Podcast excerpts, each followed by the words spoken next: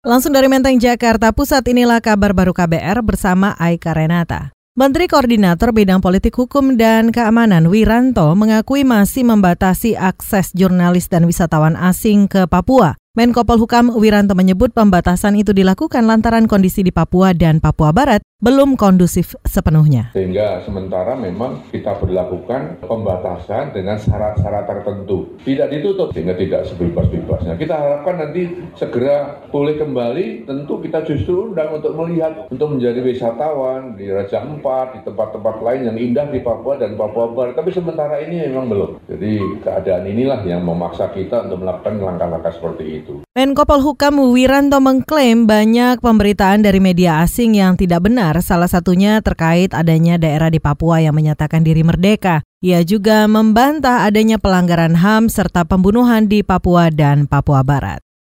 Kita beralih jaringan kebebasan Asia Tenggara SafeNet menilai penetapan tersangka aktivis HAM Veronica Koman tidak tepat. Direktur Eksekutif SafeNet Damar Juniarto menyatakan cuitan Veronica tidak dapat dipidanakan. Menurutnya cuitan tersebut tidak mengandung ujaran kebencian dan tidak mengandung berita bohong serta provokasi. Jadi hak ini kan dilindungi ketika dia menyampaikan hak dalam kapasitas sebagai pengacara dia dilindungi oleh undang-undang advokat. Pada saat dia menyampaikan informasi ini menggunakan media sosial dilindungi oleh hak kebebasan menyampaikan informasi. Kalau masalahnya polisi adalah informasi yang disampaikan berita bohong atau segala macam, eh, maka ini perlu diuji. Direktur Eksekutif SafeNet Damar Juniarto menilai Veronica Koman memiliki kewenangan untuk membela mahasiswa Papua dalam kasus rasisme beberapa waktu lalu. Damar juga menilai Veronica berstatus sebagai pengacara saat mencuitkan informasi melalui media sosial Twitter. Sebelumnya Polda Jawa Timur menetapkan Veronica Koman sebagai tersangka dalam kasus dugaan insiden asrama Papua di Surabaya. Veronica diduga menyebarkan provokasi dan hoax sehingga memicu kerusuhan.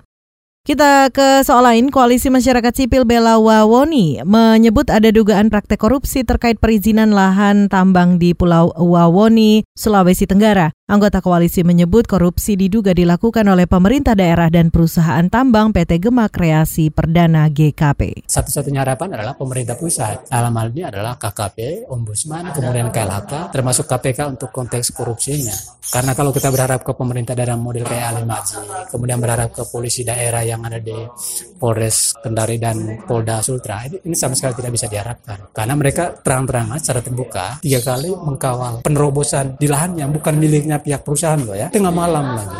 Anggota koalisi Melki Nahar menilai PT GKP telah melanggar hak masyarakat setempat untuk mengelola lahan yang telah dilakukan selama 30 tahun terakhir. Padahal menurutnya masyarakat sudah tertib membayar pajak tiap tahun untuk mengelola lahan tersebut. Selain kejanggalan dalam hal perizinan, saudara PT GKP dan Pemda juga diduga melanggar HAM seperti kriminalisasi kepada warga.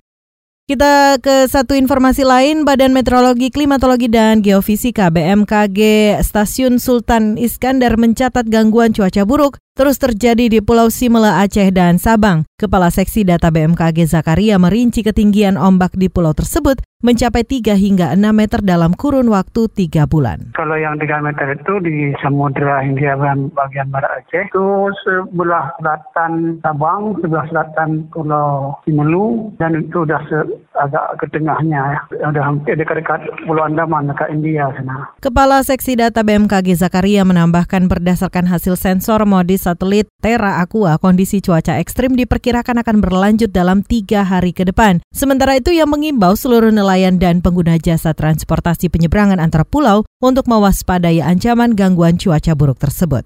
Demikian kabar baru dari kantor Berita Radio KBR, saya Aika Renata.